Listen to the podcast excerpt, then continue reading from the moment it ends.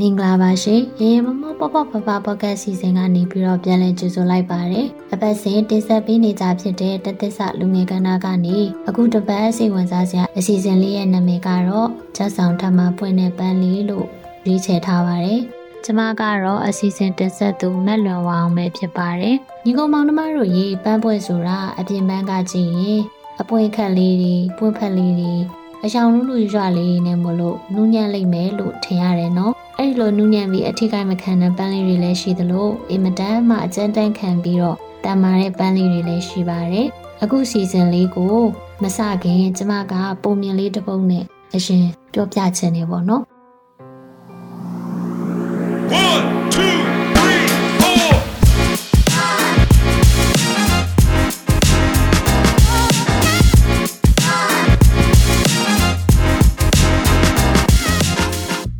မင်္ဂလာပါရှင်ရေရေမုံမုံပို့ပို့ပပရဲ့အပတ်စဉ်ပုတ်တခုနေ့မနေ့10နာရီတိုင်းတင်ဆက်နေကြဖြစ်တဲ့စက်သစ္စာလူငယ်ကဏ္ဍကနေကြိုဆိုလိုက်ပါရယ်ဒီ podcast ကတော့မြမလူမှုနယ်ပယ်ကစိတ်အားတက်ကြွပွဲဇလန်းစုံကိုအများသူငါကိုမတန်ဆွမ်းမှုအသိပညာမြင့်တင်ပေးဖို့အတွက်လွတ်လပ်တဲ့တွေးခေါ်ဆင်ခြင်နိုင်မှုတွေနဲ့မျှဝေလိုကြသူတွေရဲ့အသံတွေကိုပြုစုပြောင်းထောင်ဖို့တည်ထောင်ထားခြင်းဖြစ်ပါတယ်။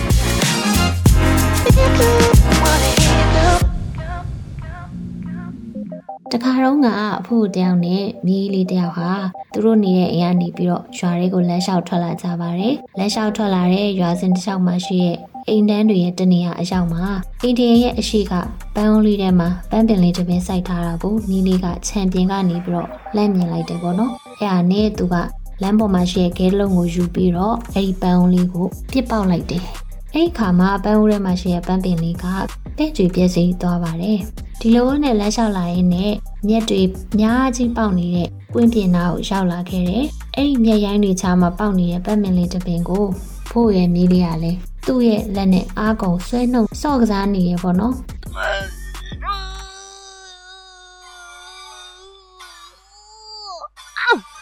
ဒါပေမဲ့အဲ့ဒီပန်းပင်ဟာသူ့ရဲ့လက်ထဲကိုပါမလာခဲ့ပါဘူး။သူဘလို့ဆွဲဆွဲပါမလာခဲ့ပါဘူး။ပန်းပင်ရဲ့အမြင့်ကမြေကြီးကိုကုတ်တွယ်ထားလို့ပါ။အဲ့ဒီခါမှာမီလီကသူ့ရဲ့အဖိုးကိုမိလိုက်ပါတယ်။အဖိုးရေကုန်းကအိမ်ရှိမှာစိုက်ထားတဲ့အပင်ကတော့အလွယ်တကူခဲနဲ့ပေါက်လိုက်တာတော့ပြက်စီးသွားတယ်နော်။အခုကတော့ဒီပင်လေးကဘာဖြစ်လို့အားနဲ့ဆွဲတုံတာတော့မပြက်စီးတာလဲလို့မိခဲ့ပါတယ်။အဲ့ဒီအခါမှာအဖိုးက ဒီပန်းပင်လေးနှစ်ပင်ကရှင်တန်ရတဲ့ပတ်ဝန်းကျင်နေရာဒေသရေကန်မြေကန်မတူညီတာကြောင့်ရဲ့ပြုစုပြောထောင်သူရဲ့ပုံသွင်းတဲ့ပုံစံခန္ဓာရည်အားဖြစ်တည်ပုံမတူညီတာလို့ပြန်ပြောခဲ့တယ်။ဒီကုံမောင်နှမတို့ရေဒီပုံမြင်လေးကိုကြားဦးနာဘရှိတဲ့သူတွေလည်းရှိကြပါမယ်။ဒီပုံမြင်လေးကနေဘလို့အတိတရားတွေရလာလဲဆိုတာကိုကျမရဲ့အတွေးမြင်လေးနဲ့သုံးသပ်ပြချင်ပါတယ်။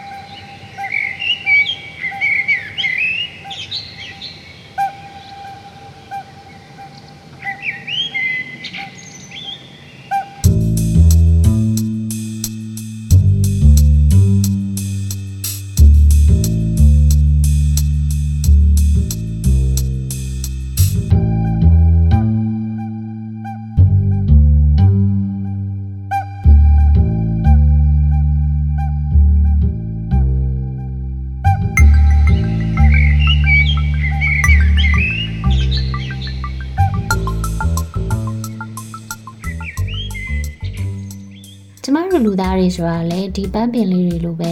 ရှင်သန်ကြတဲ့ပတ်ဝန်းကျင်မိမိနေထိုင်ရာဒေသလူနေမှုစနစ်ပုံစံမတူနေတဲ့အခါကျမတို့ရဲ့အသွင်ပြင်ဇယိုက်တွေကကွာခြားလာပါတယ်။ပန်းပင်လေးနှစ်ပင်ရဲ့ကွာခြားချက်ကိုနှိုင်းယှဉ်ကြရအောင်။အင်ကြီးအိမ်ကောင်းရဲ့အရှိမပန်းဦးလှလှလေးတွေကပန်းပင်လေးကဘာဖြစ်လို့ပြည့်စည်လွယ်လဲဆိုတာတွေးစရာဖြစ်ပါတယ်။သူကမြေဩဇာကောင်းကောင်းလဲစားရတယ်။ပေါင်းတင်ပြီးမဲ့သူရေလောင်းပြီးမဲ့သူလည်းရှိတယ်။ အချိန်မှပြုစုယူရမယ့်သူလည်းရှိနေတယ်။ဒါပေမဲ့သူက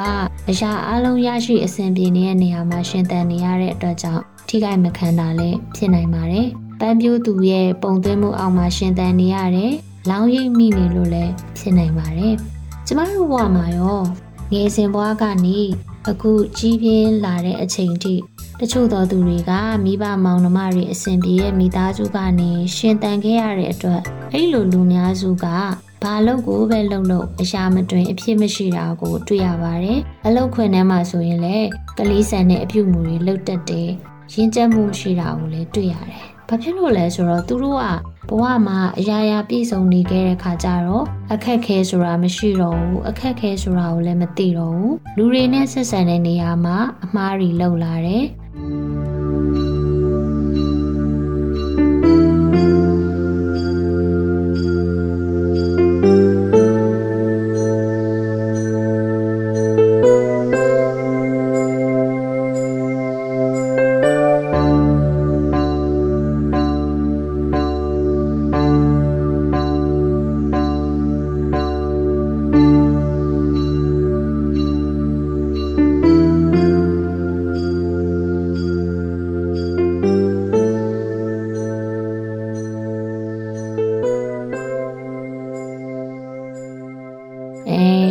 ရာမှာကျမအကြောင်းလေးနည်းနည်းပြောချင်တယ်ပေါ့နော်ကျမငယ်စဉ်ကလည်းအဲ့လိုပဲหนีခဲ့ရတယ်မောင်နှမတွေကြားထဲမှာအကျမ်းမာရေးချိုးတဲစွာမွေးဖွားလာတာကတကြောင်အဲသမီးမိန်းကလေးဖြစ်တာတကြောင်ပေါ့ဒီလိုခံစားချက်မျိုးဘဝတူမတန်ဆွမ်းမောင်နှမတွေရောခံစားမှုကြမယ်ပေါ့နော်အဲကျမတို့ကအားနည်းစွာမွေးဖွားလာခင်ကြတော့ကျမတို့ရဲ့မိသားစုတွေကတခြားသူတွေထက်ကျမတို့ပိုပြီးတော့ကန့်သက်ကြတယ် ထိန်ချုပ်ခံထားရတယ်ကျမတို့ဘွားတွေကလွတ်လပ်မှုလည်းမရှိဘူးဒီပန်းဦးတွေကပန်းပင်လိုပဲပေါ့နော်အဲသူတို့ထားတဲ့နေရာမှာပဲနေရတယ်ရေလောင်းပြီးမယ်အချိန်တန်မျောစာကျွေးမယ်ပြုစုမယ်ယူရမယ်ဆိုတော့ဘောင်ထဲမှာပဲရှင်တန်ခဲ့ရတာများပါတယ်ကျမငယ်စဉ်ခါဆိုရင်မိဘတွေကမောင်မတွေကပါမတန်ဆွမ်းဖြစ်တဲ့ကျမကိုဘာလုံးမှမလုပ်ခိုင်းခဲ့ပါဘူးမမက်ရရပညာဆက်တင်မှုတော့တားမြစ်ခဲ့သေးရဲ့အဲ တတရနှစ်တက်တဲ့အချိန်မှာကျမတကုံတက္ကသိုလ်မှာတက်ရတယ်မင်္ဂလာတော်ကနေဆိုအဝေးကြီးပေါ့နော်အဲကျမအဖေကကျမကိုဖယ်ရီနဲ့တက်ဖို့စီစဉ်ပေးတယ်အဲဖယ်ရီတော်မှသူက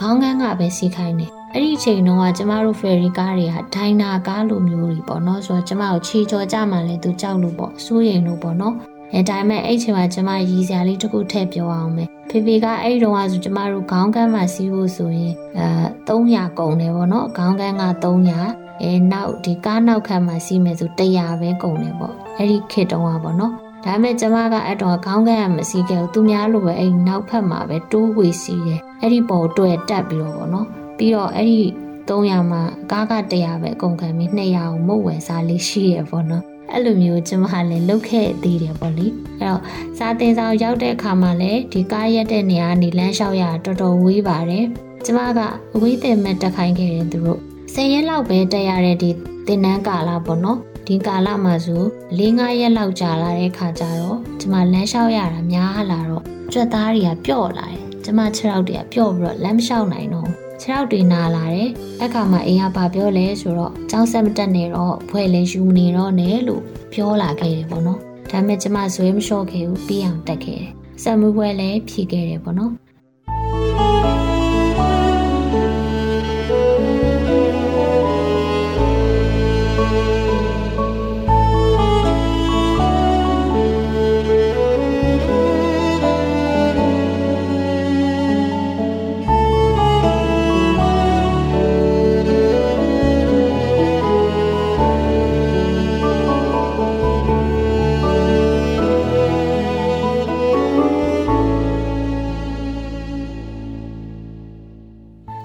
နဲ့နေလာရင်လည်းအလုတ်ခွင်ဝင်မှုအခွင့်ရေးရလာပြန်တော့လေဘတ်စကားပေါ်မှာအထမင်းကြရင်တကားကားနဲ့ချော်လဲမယ်မဖြစ်ပါဘူးမလုတ်ပါနဲ့သူတို့ရဲ့ဝင်ငွေနဲ့ပဲသုံးရမယ်သူတို့တာဝန်ယူရဲဆိုတဲ့ဒီကန့်သက်မှုတွေစိုးရိမ်မှုတွေကြားထဲမှာနစ်မြုပ်ပြီးတော့တက်ရှင်ခဲ့ရတယ်ကြာလာတော့ကျမရဲ့စိတ်က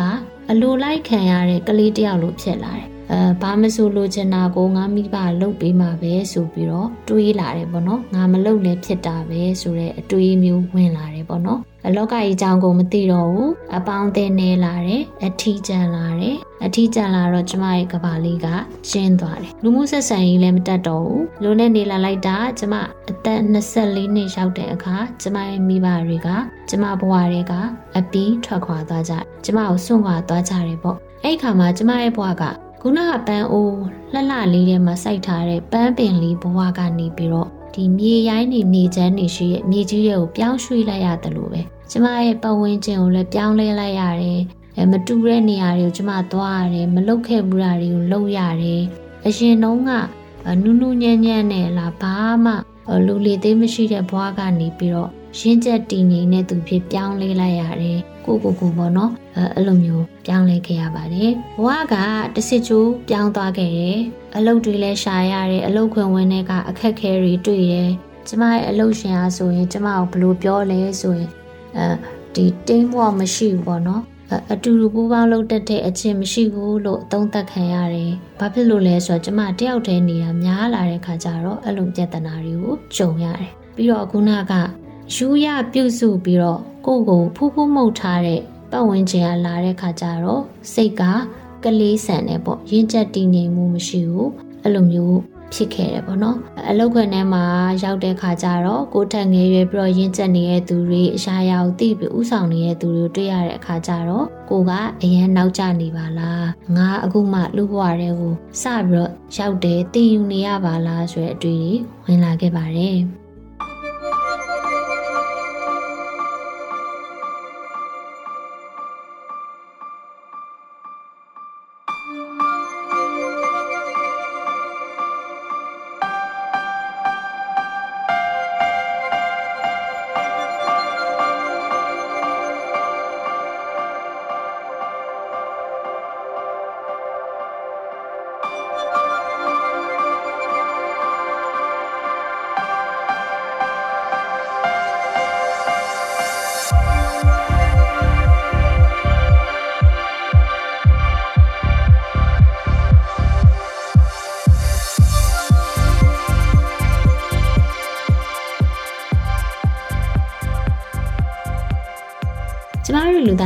တွေကတခါတရံမှာတချို့သောသူတွေရဲ့ဂရုစိုက်ခံယူရခံပြီးမွေးဖွားကြီးပြင်းလာရတော့လောကရန်ဆိုတာကိုမသိကြတော့ဘူး။တရားရောက်ကကိုအတွက်ပြည်ဆောင်လုပ်ပေးနေတော့ကိုမရှိရဲ့အစွမ်းအစာတွေခံနိုင်ရည်တွေအရေးချင်းတွေကိုအသုံးမပြုတော့ဘဲနဲ့ငကိုပုံစံတိုင်းပဲအသက်ရှင်နေ။အဲ့လိုအသက်ရှင်မယ်ဆိုရင်တော့ကြက်ခိုင်မှုလည်းရမှာမဟုတ်ဘူးရှင်းချက်မှုလည်းရနိုင်မှာမဟုတ်ပါဘူးအရာလုံးအဆင်ပြေနေတဲ့အချိန်ဆိုရင်လောကရန်လို့ကျမတို့ကမမြင်ကြပါဘူးဒုက္ခကိုလည်းသတိမရကြတော့ပါဘူး မိမိကိုယ်ကိုအခုလိုပြင်ဆင်မထားဘူးဆိုရင်လေ့ကျင့်မထားဘူးဆိုရင်အခက်ခဲပြဿနာတည်တည်လေးကြုံလာရင်တော့မှခံနိုင်မရှိတော့တာမျိုးဖြစ်တတ်ပါတယ်ကျမဆိုရင်ကိုရီအများကြီးကြုံလို့ပါတယ်အလောက်ခွင့်နဲ့မှာကိုယ့်ရဲ့အလုပ်ရှင်ကအစည်းအဝေးတစ်ခုမှာလူတွေကြားတဲ့ပေါ့ကိုယ့်ရဲ့အမှားတစ်ခုကိုထုတ်ဖော်ပြီးတော့အတန်မာမာနဲ့ပြောခဲ့ရဲဆိုရင်တော့ညည်ရီကြတတ်တယ်ညည်ရီတကယ်ပေါက်ပေါက်ကြတဲ့အရှိတိငိုကြွေးဘူးတယ်ပေါ့နော် အဲငါ့ကိုပဲပြော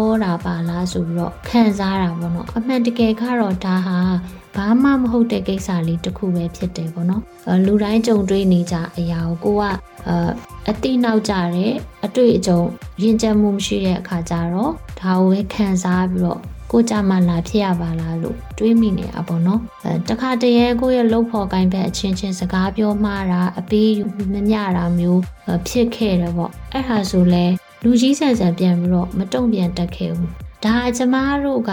ဒီပန်းအိုးတဲ့ကပန်းပင်လေးလိုပဲအသက်ရှင်ခဲ့တယ်ပေါ့ဘောင်ကျင်းတဲ့နေရာမှာသက်ရှင်ခဲ့လို့ပေါ့နော်ဒီပန်းပင်လေးကလည်းသူပန်းပြိုးသူရဲ့လောင်းရိပ်အောက်မှာနေခဲ့ရတယ်လို့ပေါ့ကျမရဲ့ဘွားကလည်းဒီမိဘရဲ့လောင်းရိပ်အောက်မှာနေခဲ့ရကြားလာတော့ကိုယ့်ရဲ့အစွမ်းစားတွေလည်းမပေါ်လာတော့ဘူးမထွက်လာတော့ဘူးအဲပန်းပင်ဆိုရင်တော့ဥမာပေးရမယ်ဆိုရင်လိုအပ်တဲ့နေအောင်ကြီးလည်းမရတော့ ပန်းပင်လေးဟာအဖူးအခက်အသီးပွက်နေထွက်မလာတော့ဘူးကြီးထွားတဲ့နှုံးလည်းနှီးသွားတယ်လို့ပေါ့ကျမတို့လူသားတွေဆိုတာလဲတိုးတက်တဲ့တလောင်မတိုးတက်တော့ဘူးကိုယ့်ရဲ့အရေးချင်းတွေထုတ်ပေါ်ခွင့်မရကြတော့မေးမိန်သွားတယ်ပေါ့အဲ့လိုကျမဆိုလိုချင်တာဖြစ်ပါတယ်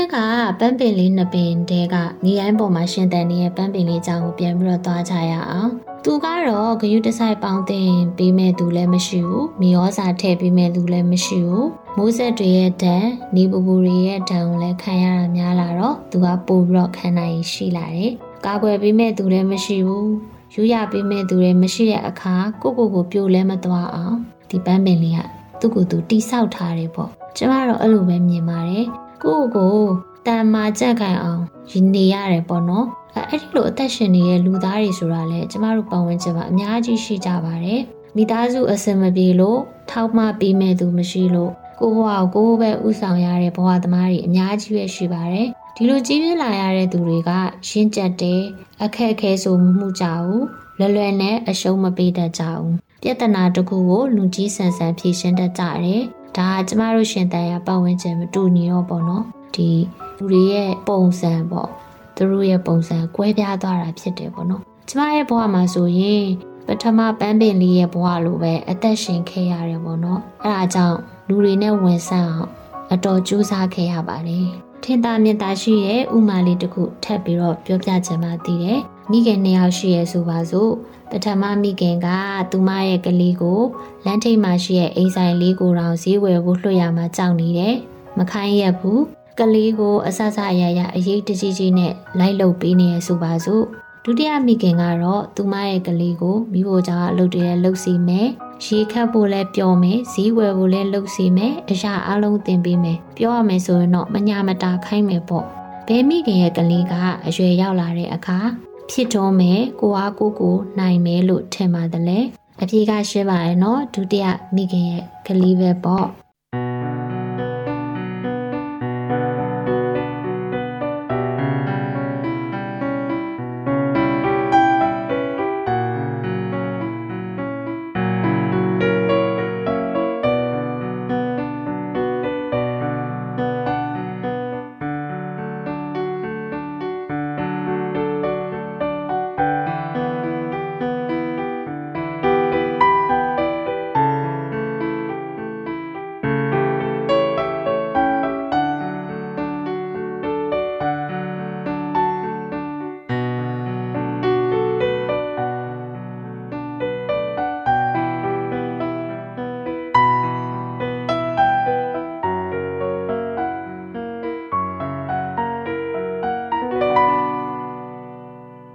ညီကိုမောင်နှမတို့ရေကျမတို့ဟာကိုကြီးပြင်းခဲ့ရတဲ့ပတ်ဝန်းကျင်ရဲ့အကျင့်စရိုက်ဒလိတိုင်းအသက်ရှင်ပြီးတော့ကိုဘွားကိုပုံဖော်ကြတဲ့သူတွေများပါတယ်။ကိုမိဘဆွေမျိုးတိုင်ဝိုင်းကကုံတယ်ဆိုရင်အ ਨੇ ဆုံးကုံတယ်တော့ပြန်ပြီးတော့လုပ်ကြတယ်။ဒီလုံးနဲ့အသက်မွေးကြတယ်။ကိုကိုရန်ဝါဒနာပါလို့မဟုတ်ပဲမိဘတွေရဲ့ဆန္ဒကိုမလွန်ဆန်နိုင်လို့ကပို့ပြီးတော့များကြပါတယ်။ကိုယ်အတိုင်းဝိုင်းကဝန်ထမ်းဆိုရင်ဝန်ထမ်းအလုပ်ကိုလုပ်ကြရတယ်။အဲကျမငယ်ငယ်တော့ဆိုရင်ပကြီး ကျောင်းအရန်တက်ချင်တယ်ပကြီးဆရာမအရန်ဖြစ်ချင်တယ်ပေါ့ဒါပေမဲ့မိဘတွေကဆရာဝန်ပဲလုပ်ရမယ်စာများများချက်ဆိုပြီးတော့ပုံသွင်းခံခဲ့ရတယ်လို့မျိုးပေါ့လေအခုကျတော့ဆရာဝန်လည်းမဖြစ်ခဲ့တယ်လို့ပကြီးဆရာမလည်းမဖြစ်ခဲ့ပါဘူးတခါတရံမှာကိုယ့်ရဲ့စိတ်ဆန္ဒအရာမဟုတ်ပဲတစုံတယောက်ရဲ့တိုက်ထုံမှုနဲ့လုပ်ရတဲ့အလုပ်တွေဟာမကောင်းပါဘူးဒါကြောင့်ညီကိုမောင်နှမတွေကို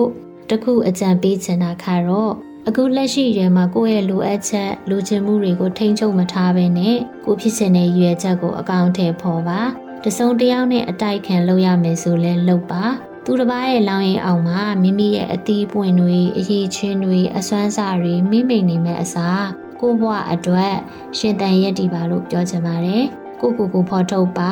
ကိုယ့်ရဲ့ကိုယ်ပိုင်အလင်းနဲ့အသက်ရှင်ရတာဟာဘလောက်ကောင်းမွန်တဲ့ဘဝဆိုတာကိုသိလာပါလိမ့်မယ်။ကိုအားကိုကိုလို့ရလာတဲ့အရာတွေဟာဘလို့တန်မိုးရှိရဆိုတာကိုမြင်လာပါလိမ့်မယ်။အဲ့ဒီလိုရှင်တန်ရင်းနဲ့ဘဝကိုအတိတ်ပဲရှိစွာဖြတ်တန်းပါလို့အကြံပြုရင်းနဲ့ဒီ program လေးကိုရှင်းနာလိုက်ပါတယ်။အားလုံးဘဝအမောရီပြည်ကြပါစေ။နောက်အပတ်မှာရောဒီထက်စိတ်ဝင်စားစရာကောင်းတဲ့အကြောင်းအရာတွေနဲ့ပြန်လာခဲ့ပါမယ်။အားလုံးကိုနှုတ်ဆက်ပါတယ်။ Yeah.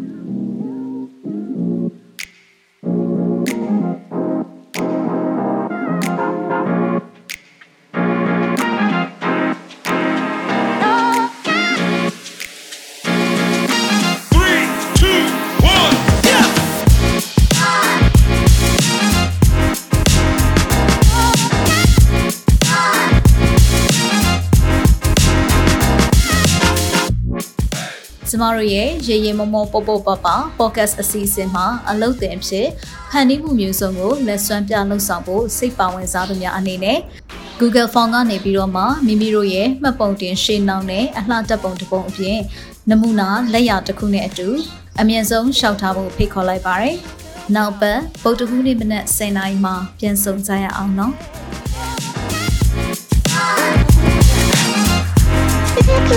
Money.